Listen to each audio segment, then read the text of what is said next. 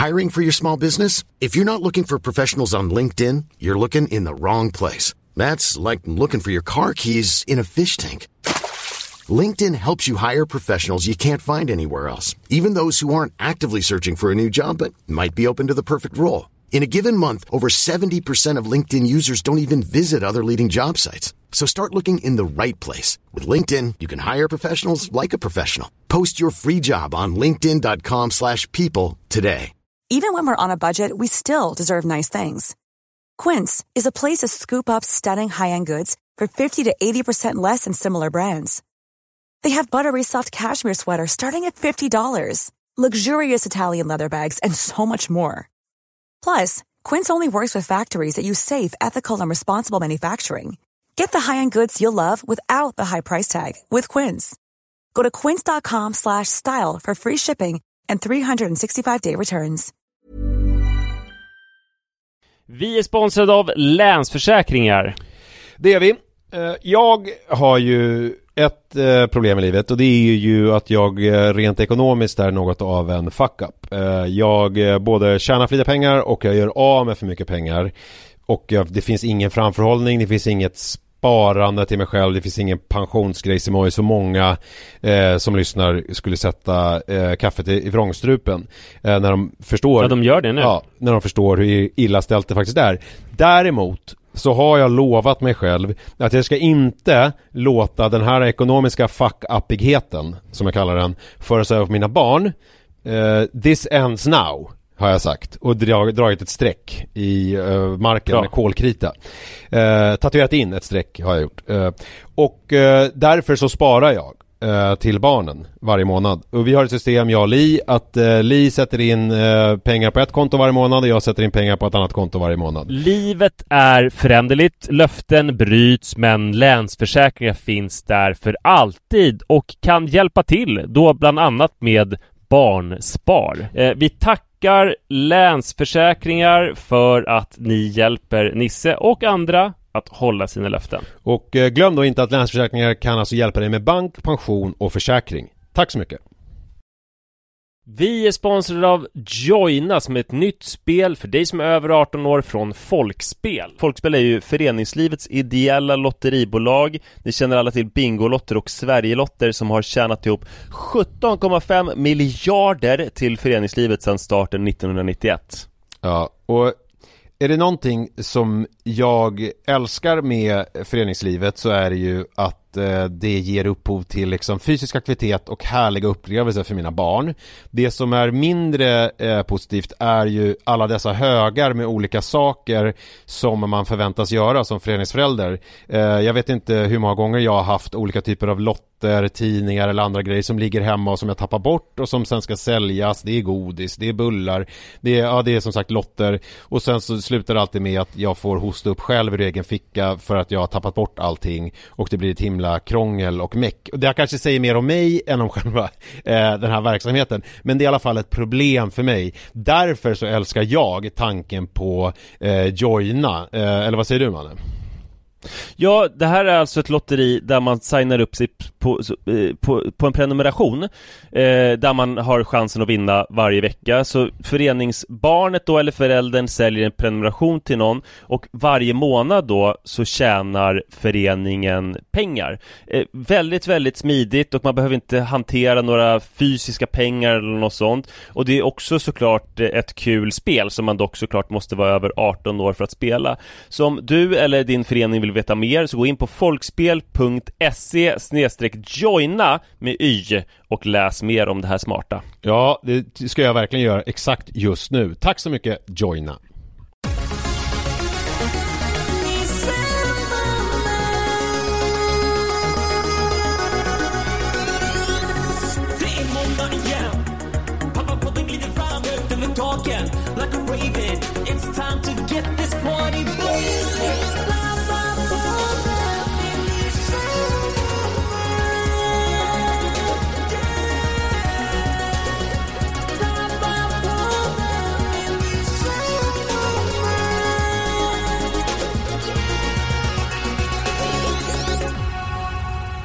Hallå hallå! Varmt välkomna ska ni vara till Pappapodden avsnitt nummer 573, varken mer eller mindre. Jag heter Nisse Edvall och du heter Manne Forsberg och har precis eh, kört eh, en halvtimme, eller vad sa du nu? Nej, tre mil slaskskidor, eh, eller vad, sa du? 33 kilometer tror jag det blev eh, och jag är precis i dina hoods Nu åker jag förbi här golfbanan och ditt älskade naturistbad Åh. i Ågesta Så är vi två kilometer från varandra? Ja, och du kommer väl köra förbi, om du sitter i bilen nu så kommer du väl köra förbi mitt hus om du kör Ågesta Broväg hela vägen ut till Linusvägen? Kommer jag. Ja. Eh, det blir kul. Nej, jag har kört till Magelungsvägen tyvärr Ja, okej, Eh, det Så det det. kommer jag missa Ja, då missar du mig. Men eh, just det, du kör Men ju kul att vara så nära dig, alltså det är också roligt hur man ändrar sig så jävla mycket För det fanns ju en, det fanns ju en tid i pappapoddens historia när jag gick upp svintidigt och motionerade Mm. Och sen levde du kvar i den bilden av mig länge, sen nästan skämdes att du kunde säga när vi spelade in så här, Har du varit ute och motionerat nu sen klockan fem i morse? Och jag var så här, du, jag orkade knappt gå upp liksom 8.45 Just det. Eh, jag blev en slapp person för att jag inte behövde vara någon sån här eh, luthersk eh, galning med rosiga kinder utan jag hade stora barn och kunde träna när som helst. Just det. Men nu med de här livsbetingelserna som jag har nu så så har det blivit standard igen att jag går upp, liksom, det finns folk som är värre med att jag går upp klockan sex för att hinna motionera ordentligt eh, innan Rasta mig själv. Jag måste liksom rasta mig själv ordentligt innan eh, allt drar igång. Undrar om det Och var det... Luther var också, att han var liksom småbarnsförälder när han eh, skrev katekesen och Helt vanlig småbarnsförälder och motionsgubbe. Och sen, och sen så eh, liksom drog han sig tillbaka oförklarligt eh, och bara backade lite långsamt ut i rummet när alla gjorde liksom eh, en typ en variant av kristendomen av hela hans småbarnstillvaro bara och han bara hmm, oj, hörni, eh, och ville inte säga då att det bara handlade om att han hade små barn och var tvungen att göra massa saker innan eh, de vaknade och så vidare eh, och så kände han så här, gud jag, snöboll har jag satt i rullning, det här kan jag inte Ja, eh, nu får jag göra stoppa." någonting av det här. Ja precis Kapitalisera. Jag tror det var exakt så. Du, alltså det är så konstigt att gå omkring i dina hoods och liksom i, alltså att du inte bara tar för dig av det som ligger här. Det är i och för sig blött på magelungen men den ligger som ett nybonat golv. Perfekt långfärdsskridskor nu när isen har stöpt. Och eh, Ågesta är ju liksom så här, folk vallfärdar ju liksom, va, verkligen vallfärdar. Det är en pilgrimsort för motionsgubbar och även gummor. Det är mycket kvinnor där liksom. Var, varför är du inte där? Och nöter? det, det som... Då, det är liksom två kilometer bort, du skulle kunna bo där nästan. Men det som jag har lärt mig nu de senaste åren är ju eh, att eh, alla människor är så otroligt olika. Och att det som för den ena är liksom eh, helt magiskt eh, och man är helt, står helt handfallen och oförstående inför det faktum att inte alla andra gör precis som en själv eller tycker precis som en själv har jag nu liksom verkligen med, i, från botten av mitt hjärta insett är en sanning att det verkligen är så att det som den ena går igång på på alla cylindrar eh, liksom rör inte den andra i ryggen Nej jag vet, men du har ju ingen aning för du har inte, du har inte prövat. Nej, eh, vad- Och alla grejer som du har prövat som jag, så här, som jag har lovordat har ju du sen, kommer du ihåg crosstrainer? Ja. Som du tyckte var det mest märkliga du hade hört talas om. Och sen du, du blev ju nästan religiös. Ja. Det var det skönaste du hade gjort, du blundade liksom Ja. och, och körde på. Men det, det som är mitt blunda nu och är det skönaste jag gör Det är ju att ta, Knark. ta ett bad. Eh, Det är ju liksom, har ju blivit min eh, Cykelturen på morgonen till jobbet. Eh, l- Lyssnar på min Sunrise Yoga spellista. Och liksom, ja blunda är ju svårt att göra när man cyklar Men att bara Ja, liksom.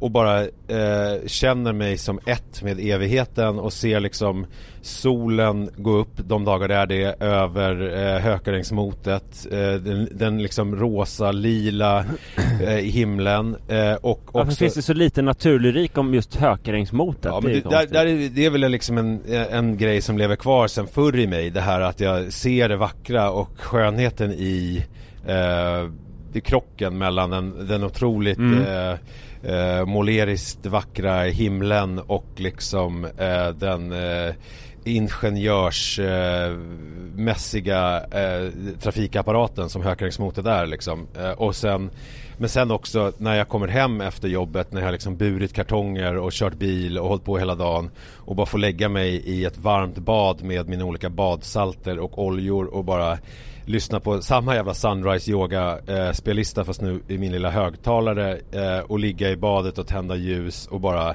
blunda och liksom Ah, då, då känner jag ju precis det där som du eh, upplever nu. Eh, så jag har ju mina... Är, är bad till och med bättre än eh, bastu? Ja, badet är ju, alltså bastu är eh, bättre eh, på ett sätt. Eh, men badet är ju lite som om man jämför, om, om bastu är lite fotboll. Så, nej, om bastu är tennis så är fotboll, eller nu, om bastu är tennis så är bad löpning. Det vill säga det är otroligt kort startsträcka och det är väldigt Det är enkelt eh, att bara det. göra. Jag behöver bara tappa upp ett bad eh, och så är, så är jag där och det är liksom i... Alltså jag ska fan pröva för jag, där är jag ju väldigt mycket som du att ja, vi badar mycket tillsammans så jag älskar vatten och sånt där. Ändå har jag, trots att jag, jag har nog alltid haft badkar utom när jag bodde i Hornstull en kort stund. Men badat kanske fem gånger de senaste då 15 åren i badkar. Jag vet inte varför. Men jag, men jag till skillnad från dig så säger inte jag så här och du måste testa eller att jag ska liksom försöka pådyvla dig det här för jag tror att människor är otroligt olika där och det, eh, liksom, Du är väl alltid pådyvlat? Ja, inte just badet för jag har märkt att just bad är en otrolig vattendelare att vissa får ju panik och känner liksom en, Det är ordvits. eh, viss klaustrofobi och blir liksom eh, eh, känner sig eh, instängda och de kan inte slappna av medan jag känner ju det som jag tycker är skönt med både bastu och bad har jag kommit fram till är också att det, det finns liksom ingen möjlighet för mig att göra någonting annat. Eh, när jag är i bastun så är det ju för att jag är där borta i bastun. Men när jag ligger i badet så är jag ändå hemma med allt vad det innebär av liksom hushållsuppgifter och annat. Men i badet så blir det otroligt svårt att liksom göra någonting annat för att då blöter man ner allting så fruktansvärt. Så även om jag får någon impuls att tömma en diskmaskin eller damma en bokhylla eller eh, eh, tvätta något barn bakom öronen eller någonting så kan jag liksom inte göra det för det blir liksom för jobbigt att hålla på och ställa sig upp, torka sig, gå ut, blöta ner hela lägenheten och så vidare. Eh, så jag tycker att det är, eh, det är ju min eh, sån grej som jag gör just nu faktiskt. Och jag Ja. känner ju ändå att jag får, när det gäller just motionsmässigt, även om jag inte får den här liksom hårda konditionsträningen så får ju jag, i och med min cykeltur, som jag ibland måste ändå säga, jag trycker på lite ibland. Det gör jag, speciellt i Har du berättat om det här med polisen förresten?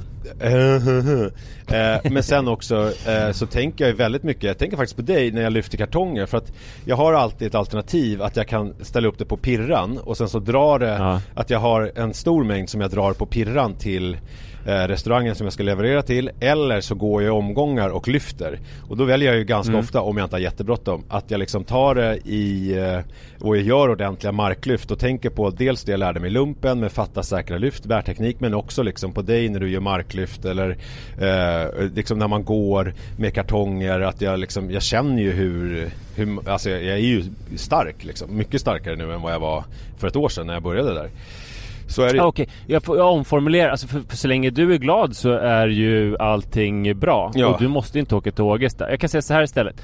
Vilken eh, ynnest det, måste, det skulle vara för mig att ha ett sånt konstnärsparadis två kilometer bort. Ja, ja verkligen.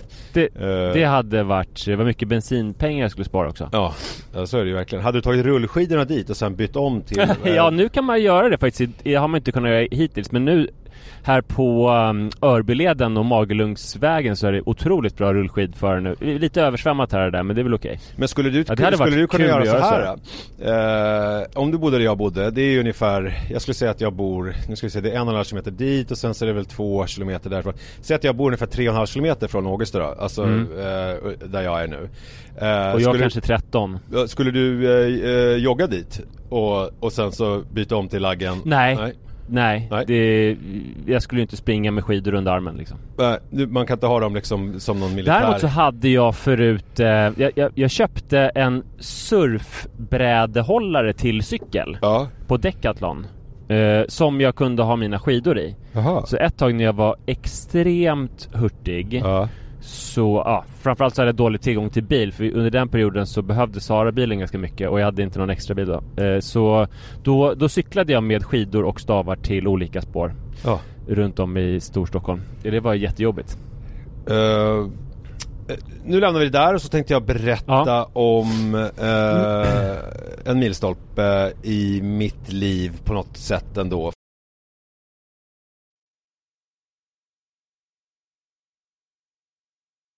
För sju år sedan, ganska precis. Eh, Då kom Jojo. nej, han kom väl för snart nio år sedan. Eh, Oj, han är så jävla gammal. Ja, han fyller nio år här i april. sjukt. Eh, Mm. men, eh, för sju år sedan så lämnade vi eh, tryggheten i Blås ut. eh, Ja. Och begav oss på ett äventyr söderut.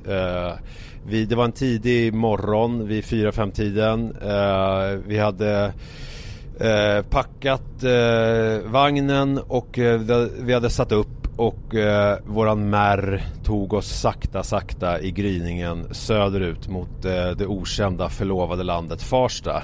The land of milk and honey and KFC var det ju inte på den tiden. Det var ju McDonalds och Burger King. Stefan Sundström. Stefan Sundström, eh, verkligen i allra högsta glad, grad. Eh, och eh, begav oss ut på en resa i det okända. Eh, och vi eh, flyttade in i en femrummare på Lysekilsgatan eh, nära Farsta centrum.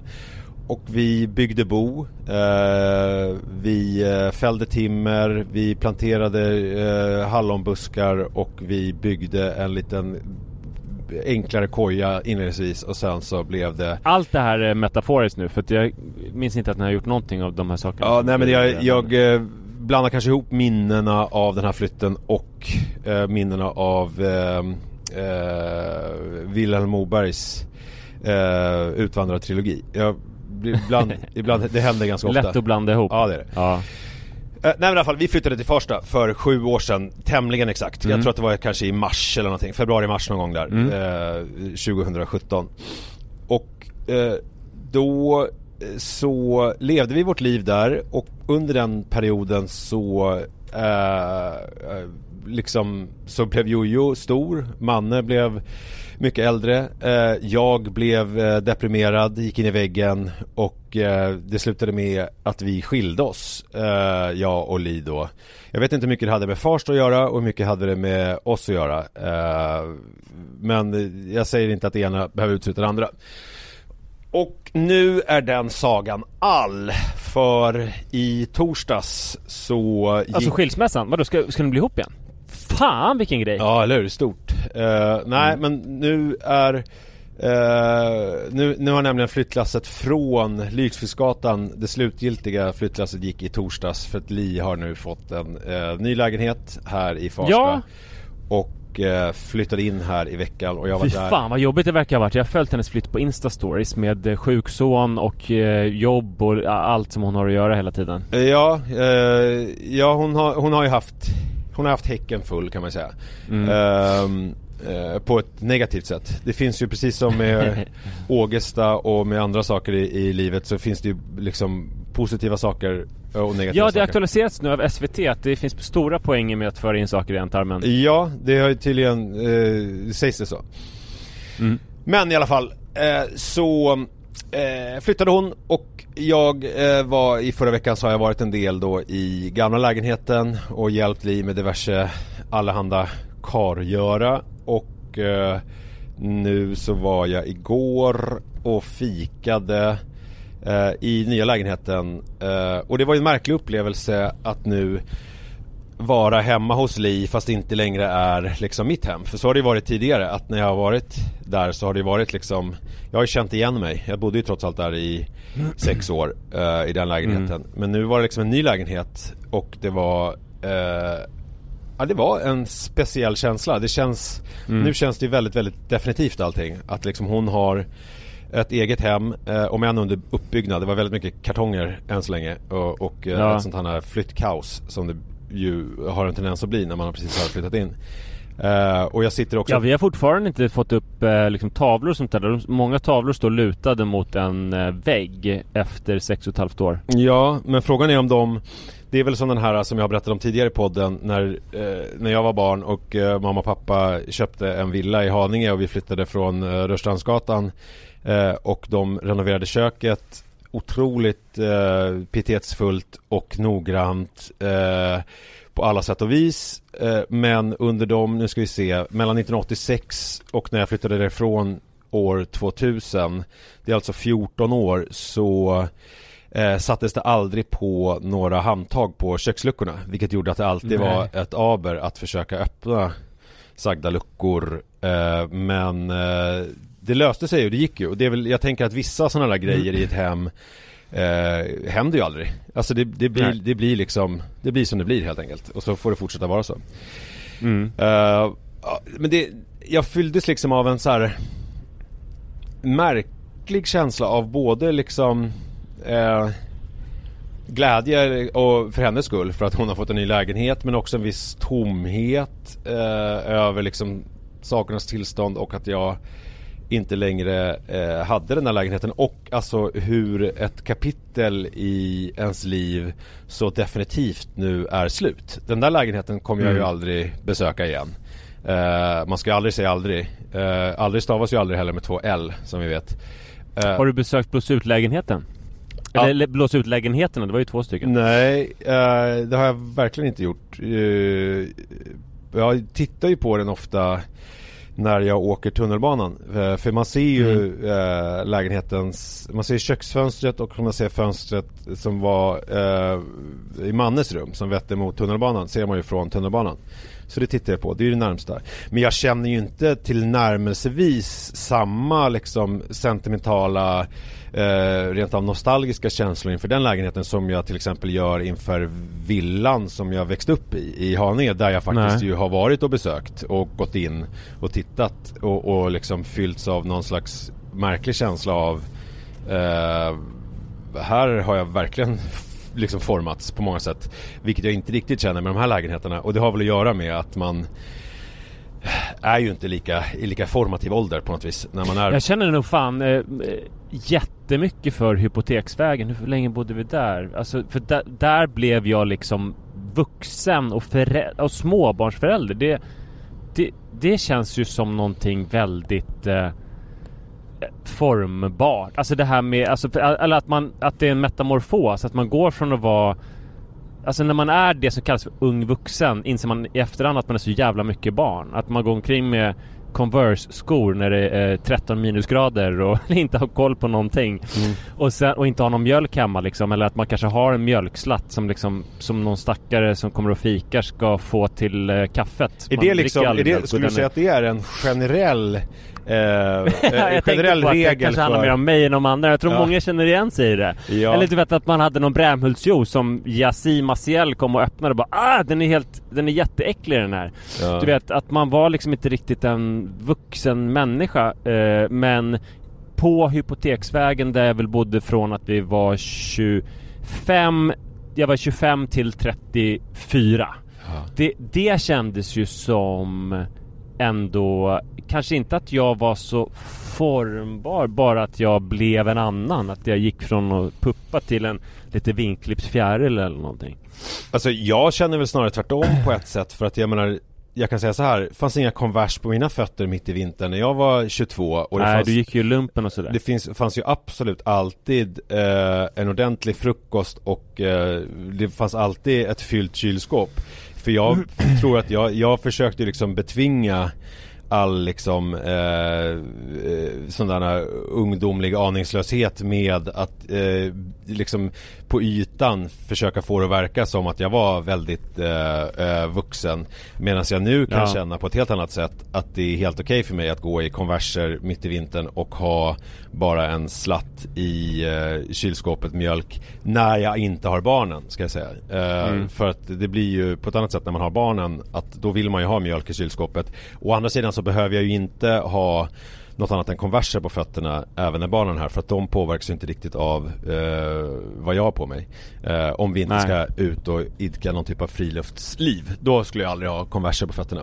Så jag tror att jag Nej, har gjort väl, jag har väl mer gjort någon slags motsatt resa att jag har försökt förstå, eller jag har insett att liksom min själva vuxen eh, Alltså vuxenheten för min del ligger liksom inte i ett välfyllt kylskåp eller ett par varma fotriktiga skor eh, när det är eh, kyla utan jag kan ha ankelsocker och konverser.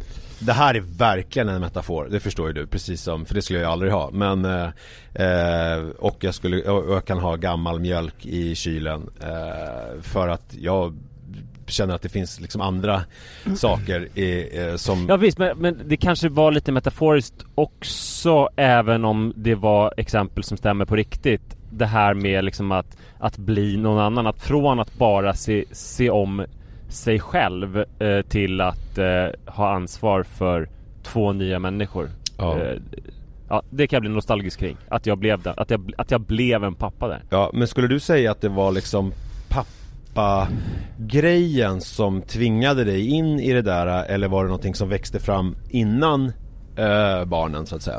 Det där med mjölken och Mjölken och konverserna? Uh, alltså det växte fram, um, alltså det, det här med att man, uh, att man är en människa i världen. Mm. Eh, liksom att varje måndag kommer det hem sju tjejer till oss som ska ha massa grejer. Alltså, så det kom ju inte omedelbart med barnen. Nej. Fortfarande när vi hade tvååringar så kunde det ju liksom inte finnas någon mjölk. Så att, så att det var inte liksom från den ena dagen till den, till den andra. Men jag tänker att en, ett viktigt steg i ditt vuxenblivande måste väl ändå ha varit när du fattade beslutet om att sluta dricka och ta droger. Alltså, Ja, verkligen. Det känns Ja. ju som ett ganska moget och vuxet beslut att ta. Eh, redan Mm. vid en sån, hur gammal var du? 25? Va- 25. Ja. Eh, Ja.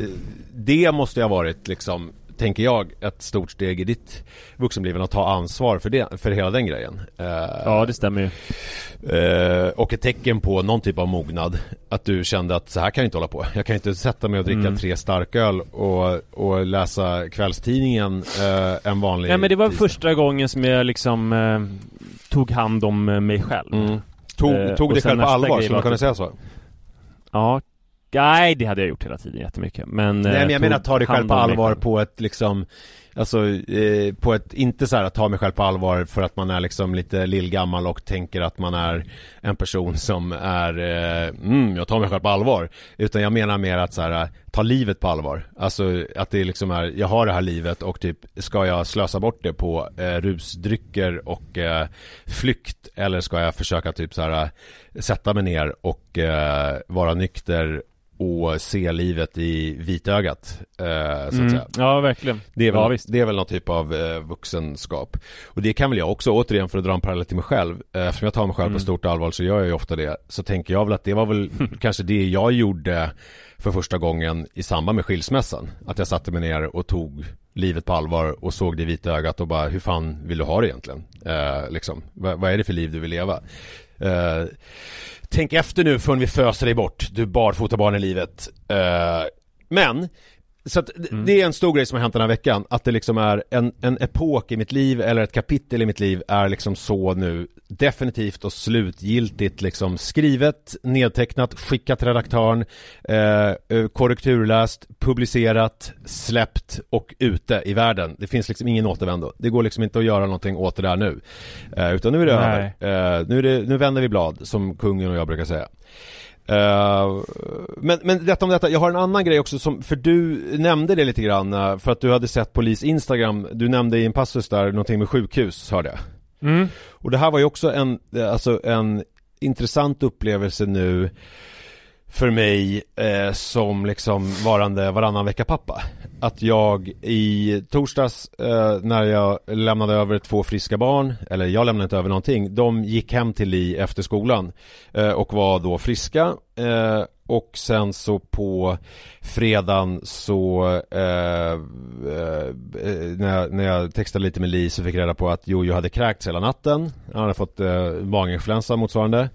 Eh, och sen blev det liksom inte Det blev inte bättre utan han kunde liksom inte tillgodogöra sig vätska. Det blev liksom en sån här jättekraftig eh, reaktion På den här magsjukan sådär att det liksom är Att hon följde liksom eh, alla 1177 råd, du vet så här med li- pyttelite vätska eh, då och då men allting kom upp hela tiden.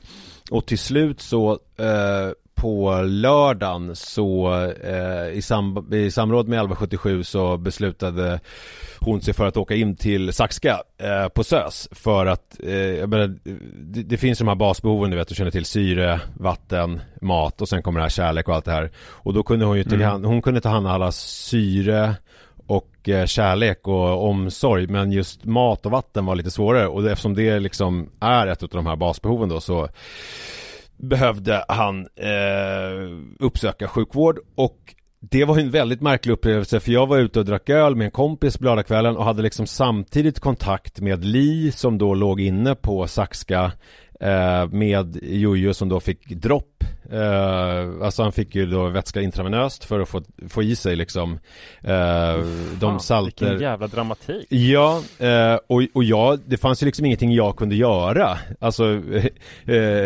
Så jag satt där med min kompis och drack öl Samtidigt som jag då hade kontakt med Li och Jag hade också kontakt med Manne för han var ju ensam hemma hos Li och jag hjälpte honom att styra upp ett fodora konto så att han, för han ville beställa mat. Så jag höll liksom Mm. på, jag, hade, jag höll otroligt många bollar i luften, jag kände mig otroligt multitaskig Att jag liksom kunde eh, på samma gång peppa Li eh, och eh, skicka olika gulliga sms till Jojo. För han var då vid så pass medvetande eftersom han hade fått dropp och sånt att han kunde hålla på och spela Roblox eller annat på sin mobil. Eh, och, eh, och då samtidigt hjälpa Manne med att sätta upp det här fodora kontot en rolig grej med Manne då som, jag, som slog mig, det var att han liksom, han bara kan jag beställa liksom en- två cheeseburgare från McDonalds och sen så, jag gillar ju Max pommes frites, kan jag ta pommes fritesen därifrån?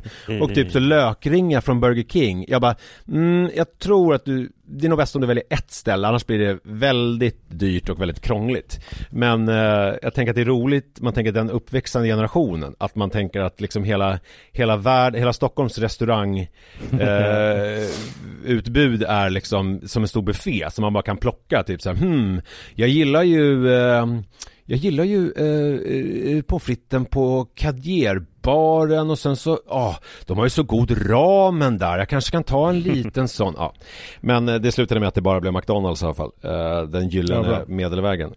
Och eh, Jojo tillfrisknade ju, han fick ju sin eh, dropp och sen dagen efter så eh, var ju han mycket piggare och eh, slutade kräkas. Så slutet gott, allting gott. Men det var ju en väldigt speciell upplevelse att liksom känna sig både maktlös men samtidigt också liksom så här befriad från ansvar på ett sätt. För jag visste ju att han hade det bra och han var under vård och det fanns liksom ingenting jag kunde göra eh, heller. Alltså mer än att liksom finnas där. Om du förstår vad jag menar.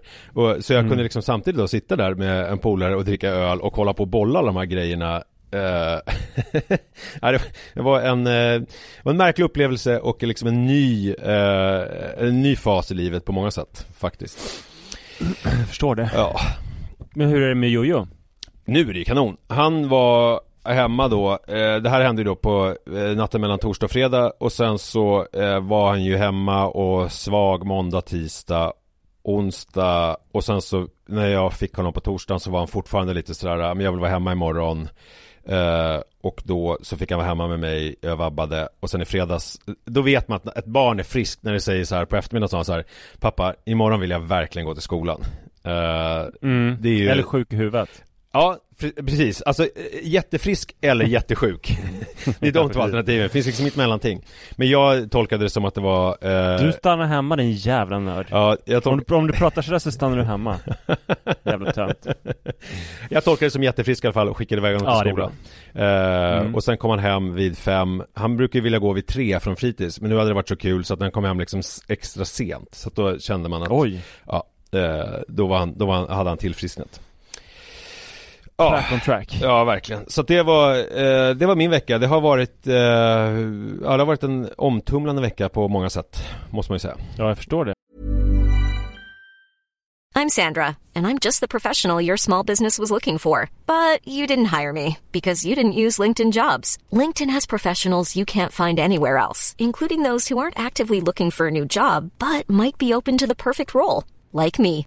In a given month, over 70% of LinkedIn users don't visit other leading job sites. So if you're not looking on LinkedIn, you'll miss out on great candidates like Sandra. Start hiring professionals like a professional. Post your free job on linkedin.com/people today. Hey, it's Paige DeSorbo from Giggly Squad. High quality fashion without the price tag. Say hello to Quince.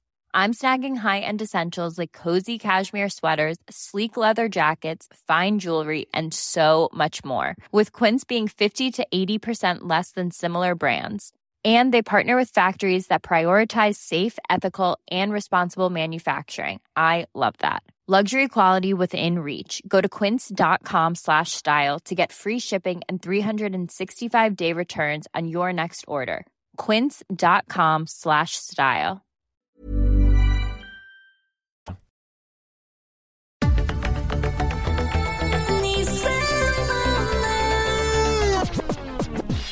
Apropå då föräldraskapets skuggsidor Var det här skuggsidor skuggs- egentligen? Det var ju både och kände Ja jag det var det väl verkligen Ja, det var det, Alltså om man Mm. har ett barn som inte får, kan, ens, kan dricka Jo men det blir ju Eh. något ljust i att han blir frisk Alltså att det inte Jo, var något, ja. jo.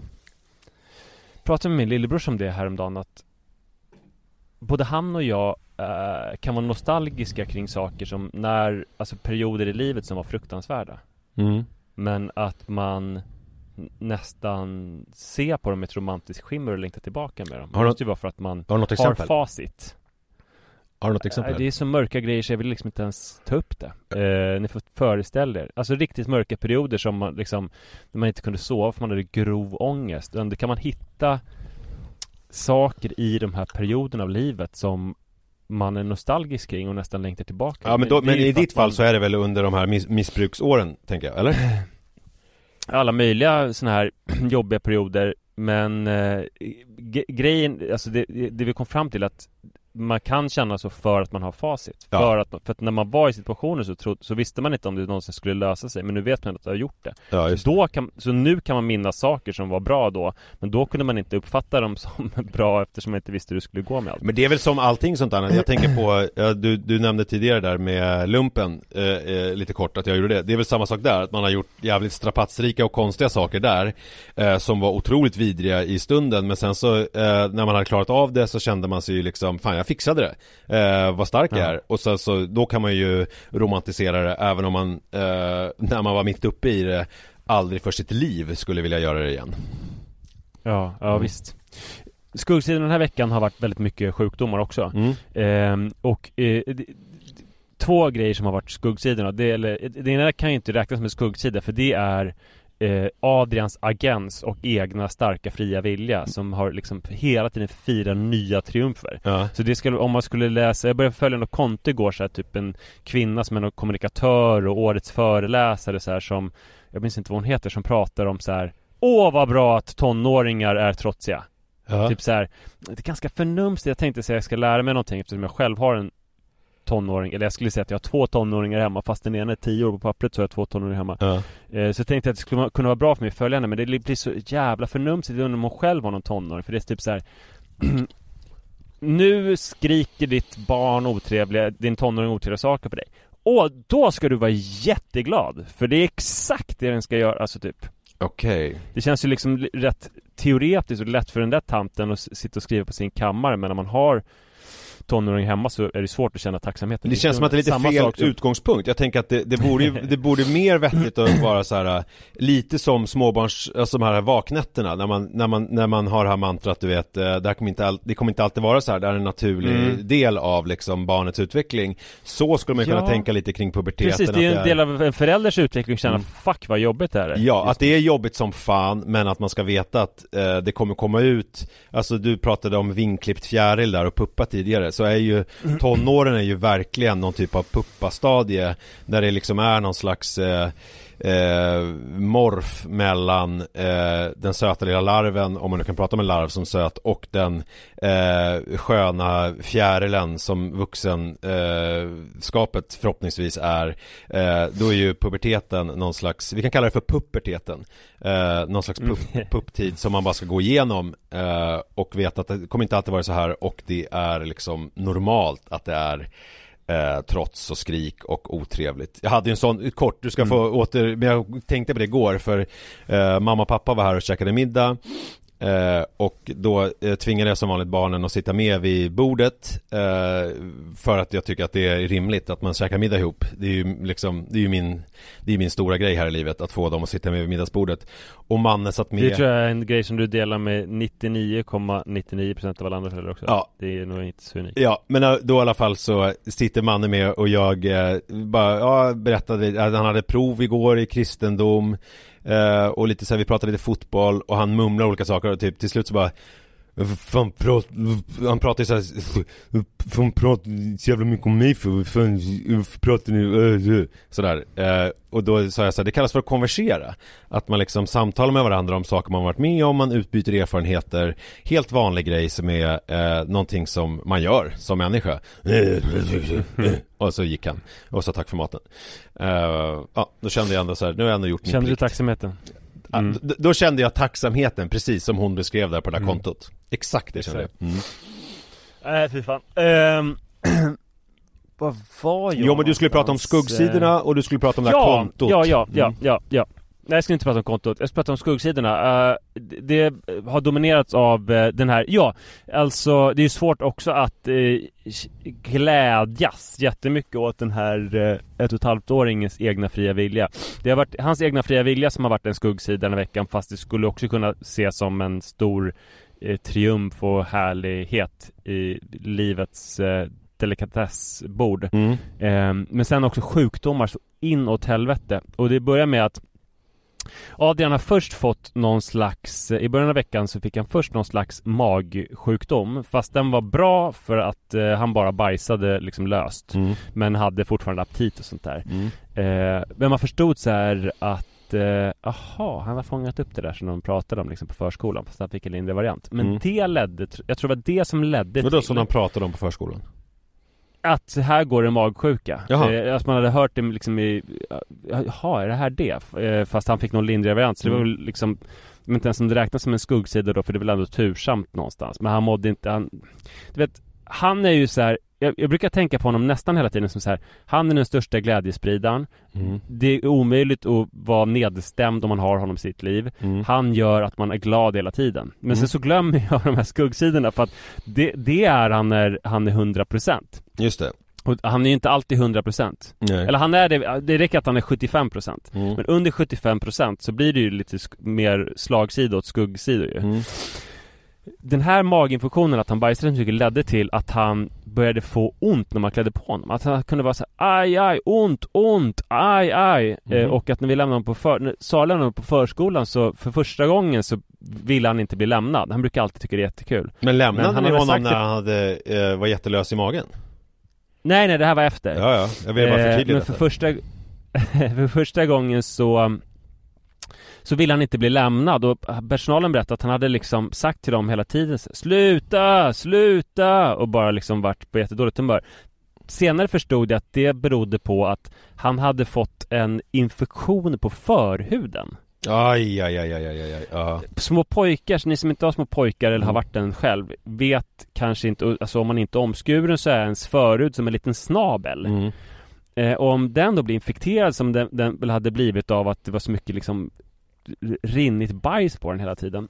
Så då, den sticker ju ut liksom som Mm. en liten snabel Mm. som, som går emot kläder och blöjor och sådär Så att om man klädde på honom så tyckte han att det gjorde ont Så det var därför som han eh, i, i, hade, ja men det gick ganska fort Och, och det man ska Eh. veta om pojksnoppar också som inte är omskurna Det är ju också att det är ju inte så här att man kan dra bak förhuden och så kommer fram ett ollon Utan det är ju Nej. liksom, det är ju en Alltså förhuden fungerar ju Alltså den är ju ganska, sitter ju fast kan man säga Och det, och det är ju Mm. alltid en väldigt rolig upplevelse I alla fall varit i mina två söners liv När de då upptäcker till slut att de kan dra bak förhuden. Ja. Eh, och när, jag kommer ihåg mannen när han var liten, eh, han kallar ju det för hallon Vilket jag tycker var väldigt roligt. För att det, det, det ser lite ut som, för det är lite rött och sådär. Alltså det ser ut som ett hallon. Och han har väl missuppfattat då när man sa, när jag hade sagt någon gång att det där var hans ollon. När han undrade vad det var som kom Mm. fram när han drog bak förhuden. Och han kallar det för sitt hallon. Ja, ja det är kul. Eh, Ja, det, det är ju verkligen ett förvandlingsnummer. Han har inte kommit åt sitt hallon, så han hade en ilsket irriterad förhud som gjorde att hans liv blev liksom jättedåligt. mm. Ehm, och eh, vi lyckades häva den infektionen genom att bara så här bada honom efter varje blöjbyte. Mm. Eh, alltså underkroppen bara. Eh, vilket han hatade, så Mm. det också sänkte lite hans livskvalitet. och sen i slutet av veckan, typ i fredags, då blev eh, Iris och Rut Nej förlåt, eh, vad heter de? Rut och Adrian sjuka i någon annan sjukdom. De var Mhm. däckade i någon slags jävla influensa så båda hade hög feber. Mm. Så att eh, det var nästan som att jag eh, vabbade liksom Rut också Vilket ju inte tillhör vanligheterna Alltså hon var så pass dålig så att man behövde ta hand om henne och ta tempen och ge henne mat och sånt där Mm. Ehm, Och eh, sen så eh, Iris hade känt sig lite risig tidigare i veckan Alltså det är alltid någon som är sjuk nu Mm. Eh, men hon var frisk så hon kunde sova över hos en kompis Mm. eh, Och sen när jag vaknade igår morse, hon hade sovit fredag till lördag Så vaknade jag, jag sov ju med öronproppar eh, Jag vaknade upp eh, Eller när jag skulle åka skidor som jag gör på morgnarna Och såg massa sms från henne på, från natten Kan du hämta mig snälla? Mhm. Och jag bara va? Har hon bråkat med sina kompisar? Mm. Sen visade det sig att hon hade tok, börjat tokkräkas mitt i natten. Nej, vad jobbigt. Och när man är borta Eh. också. Gud vad vidrigt. Stackars henne. Och, och hennes eh, helt olämpliga föräldrar hade inte märkt någonting av att hon försökte få tag i oss. Hon hade tagit en taxi hem och eh, jag fick reda på det genom att hon var hemma och låg och sov och kunde berätta det för mig. Ja. Men, eh, så då var alla barnen sjuka. Men gud vad vidrigt Eh, också att vara 13 eh, Ja. Och ta en taxi eh, Och känna det här illamåendet och bara kommer jag klara av det? Och sen så är man Mm. sådär ung Och man liksom, det, det tycker man ju själv Jag gjorde ju det, nu har jag inte gjort det på länge Men jag minns en gång när jag var kanske 25 och jag var Det var när jag drev den här teatern på Hagagatan Och jag fick någon sån här plötslig eh, eh, maginfluensa Vi satt och hade något producentmöte och jag var tvungen att springa ut på Hagagatan och bara kräkas rakt ut Eh, för jag hann inte ens till toaletten. Och sen så eh, tog en taxi hem och jag kände det här eh, illamåendet hela vägen och bara kom jag klara mig hem liksom? Och sen så Ja, fort det var ju en ny grej där som ung vuxen också som, eh, för att återknyta att eh, här, men nu är det bara jag som tar hand om mig själv. Ja just det Ingen annan. Nej det är ingen som håller upp mitt hår eh, när jag Nej. kräks och, och jag minns den här känslan, och då var jag ju ändå 25 Men förstå då att vara 13 och sitta i en taxi, nej fy fan, nej jag tycker synd om henne Usch Ja, det är hårt. Mm. Eh, men eh, det enda liksom ljusningen då igår var att Adrian var frisk igen från alla sina olika infektioner och magsjukor och influensor. mm. Eh, men det innebär att Alltså han är i en ålder nu som innebär att varenda rolig grej som han gör Mm. vet man att eh, det här kommer sluta med att han vill fortsätta göra den grejen som han tycker är rolig. Mm. Och att han hatar alla förflyttningar. Vi skulle hämta ett paket. Mm. Ehm, och då ville han, först ville han inte gå in i bilen. Men, för vi skulle åka till Coop då och hämta, det är alltså, det är helt vanligt här, vi skulle åka till Coop och hämta ett ärende. Mm. Eh, eller hämta, hämta, ett, vi skulle hämta ett paket, vi skulle göra ett ärende och Nej till roligt, Coop. om du skulle häm- att du var en hemlig agent Hämta ett ärende. Det var spion, Ja, du, skulle, precis. du skulle få ett uppdrag En portfölj. Ja, Ja. mm. Eh, Han ville inte gå in i bilen, det var väl inte några jättevilda protester men det var ändå lite så här. nu får jag tvinga in honom i bilen. Mm. Sen när vi kom till Coop så ville han inte gå ut ur bilen Mm. För han tyckte det var skönt att åka bil Och sen så skulle vi åka, så skulle han sitta i en, kor, i en kundvagn Mm. eh, Som inte var anpassad för barn, den hade, utan han fick sitta i botten av den Mm. Och det tyckte han var lite suspekt så han ville först inte Men sen så tyckte han det var jättekul Mm. Så att han blev otroligt upprörd när han inte fick sitta där när vi skulle gå därifrån Mm. Och det gjorde att han reagerade extra häftigt och aggressivt på att vi skulle sitta i bilen igen För det ville han inte göra eftersom han Är det därför du försöker här- övertyga mig om att jag ska åka skidor och sånt här? För du tänker att jag är Adrian? Att jag prote- protesterar häftigt, men sen som jag väl skulle göra det så Ja. skulle jag aldrig vilja sluta Nej men så är det ju, du vet ju, det känns ju inte riktigt som att du ofta vet ditt eget bästa Nej. eh, Men så är det väl med de flesta människor Nej okej mm. Ja, så lite Jag har Eh, ingen kommentar på det Nej, och sen så accepterade han sitt öde att sitta i bilen Men sen kom det värsta, för då kom vi hem, det var ju bara en biltur på tre minuter hem Mm. Och då ville han absolut inte gå in Mm.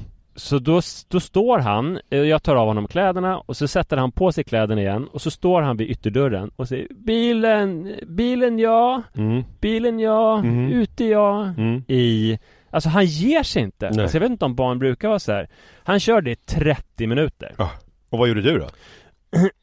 Jag säger att vi ska inte till bilen, nu ska Nej. vi äta middag. Men säger du det i sådär. 30 minuter? Eh, Står du och säger samma sak? Nej, inte, nej, inte hela tiden. Jag säger det några gånger. Ett stoiskt han- lugn, så står du där och bara och njuter för att det här är precis som det ska vara Du tänker på den där eh, kontot på Instagram, puberteten Att du tänker att så här, Ja, det. det. här är kul, jag älskar det här, jag älskar Ja, mitt liv så här vill jag ha det. Ja. Han står med kläder på och eh, skriker att han vill till bilen och att han vill vara ute. mm.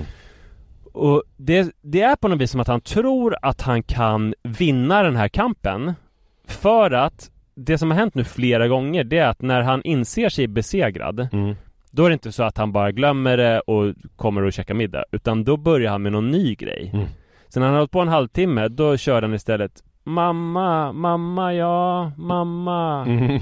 eh, Och som tur var så kom hon då någon minut senare Så då kunde det liksom bli bra att han hade glömt bilen Men att han När han ger upp efter en halvtimme Mm. Då måste han liksom växla in på ett annat spår av Mm. någonting som han vill ha för att det är som inte, Det känns avancerat för ett och ett halvt år men det är som att han inte vill liksom tappa ansiktet där utan att han Väljer att då att tjata om någonting som han tänker att han har större förutsättningar att få Just det, så Så att att det han är inte ska lite behöva som erkänna sig besegrad om det är någon slags Att jag vill eh, ju inte gå till bilen utan jag vill ju bara att mamma ska komma hem och nu kom hon hem så att eh, nu fick jag ju som jag ville Precis, att det blir som att det är en förhandling mellan två olika länder i man, man skulle kunna tänka sig att det, att det handlar om NATO och att det, Turkiet är ena ändan och Sverige i en ände och sen så finns det någon F16-plan i andra änden och så vidare Att det liksom är, Ja. att det finns olika, eh, att, att folk inte ska tappa ansiktet och de ska få lite saker som de vill och så vidare Ja, jag fattar precis mm.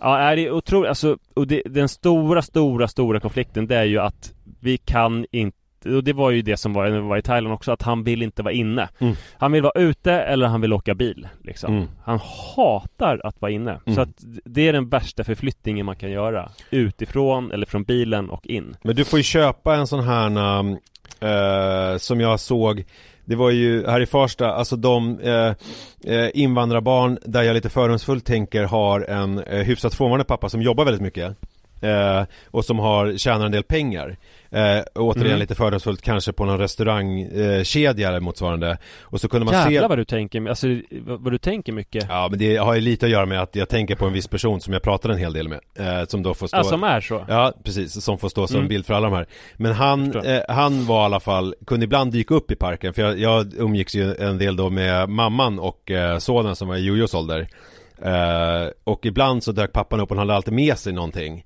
eh, Alltså någon stor present eh, Och då var det en Mm. gång som han hade med sig en, en sån här Otroligt verklighetstrogen Mercedes fast i liksom elbilsformat som eh, den här Mm. sonen kunde sitta och köra runt i.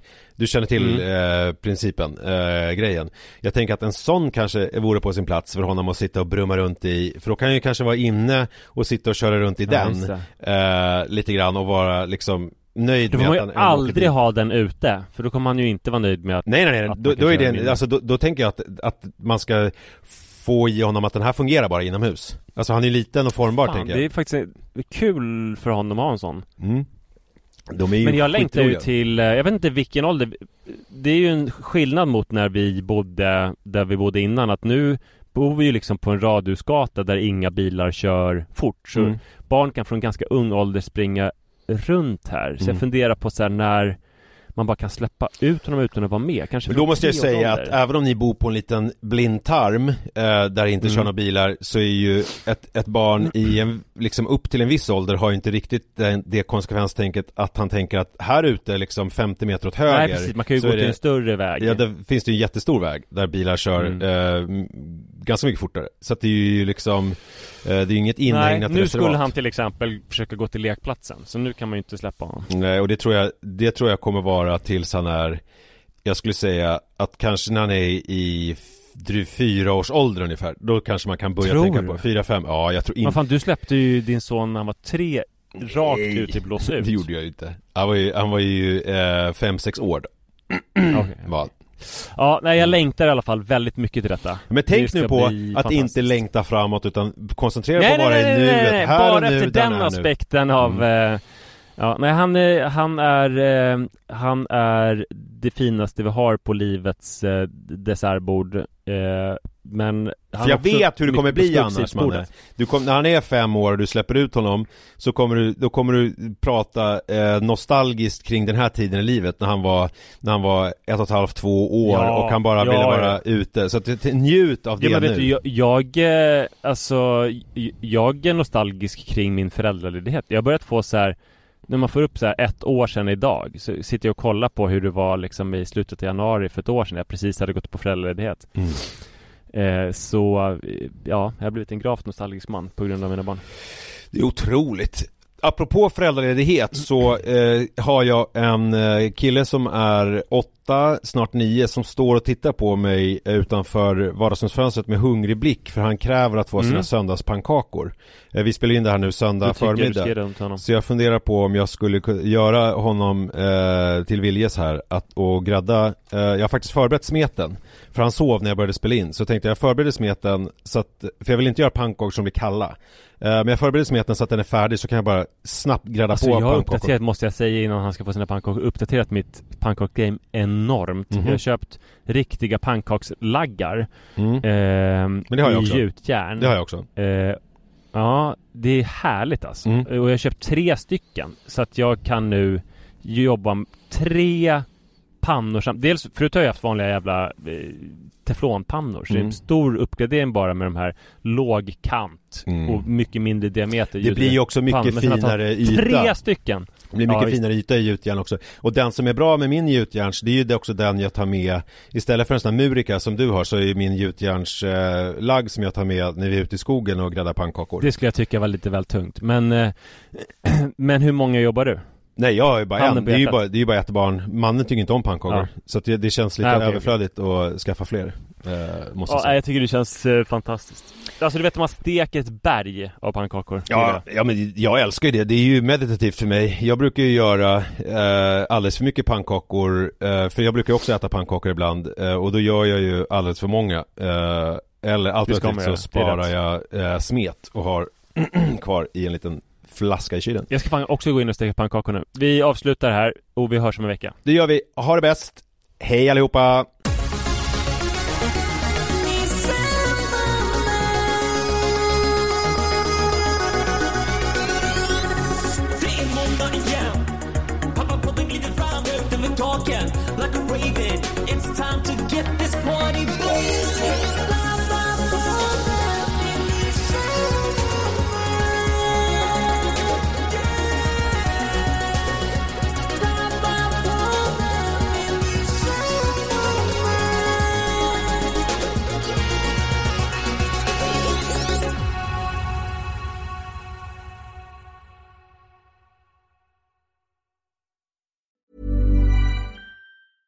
Even when we're on a budget, we still deserve nice things. Quince is a place to scoop up stunning high-end goods for 50 to 80% less than similar brands. They have buttery soft cashmere sweaters starting at $50, luxurious Italian leather bags, and so much more. Plus, Quince only works with factories that use safe, ethical, and responsible manufacturing. Get the high-end goods you'll love without the high price tag with Quince. Go to quince.com slash style for free shipping and 365-day returns.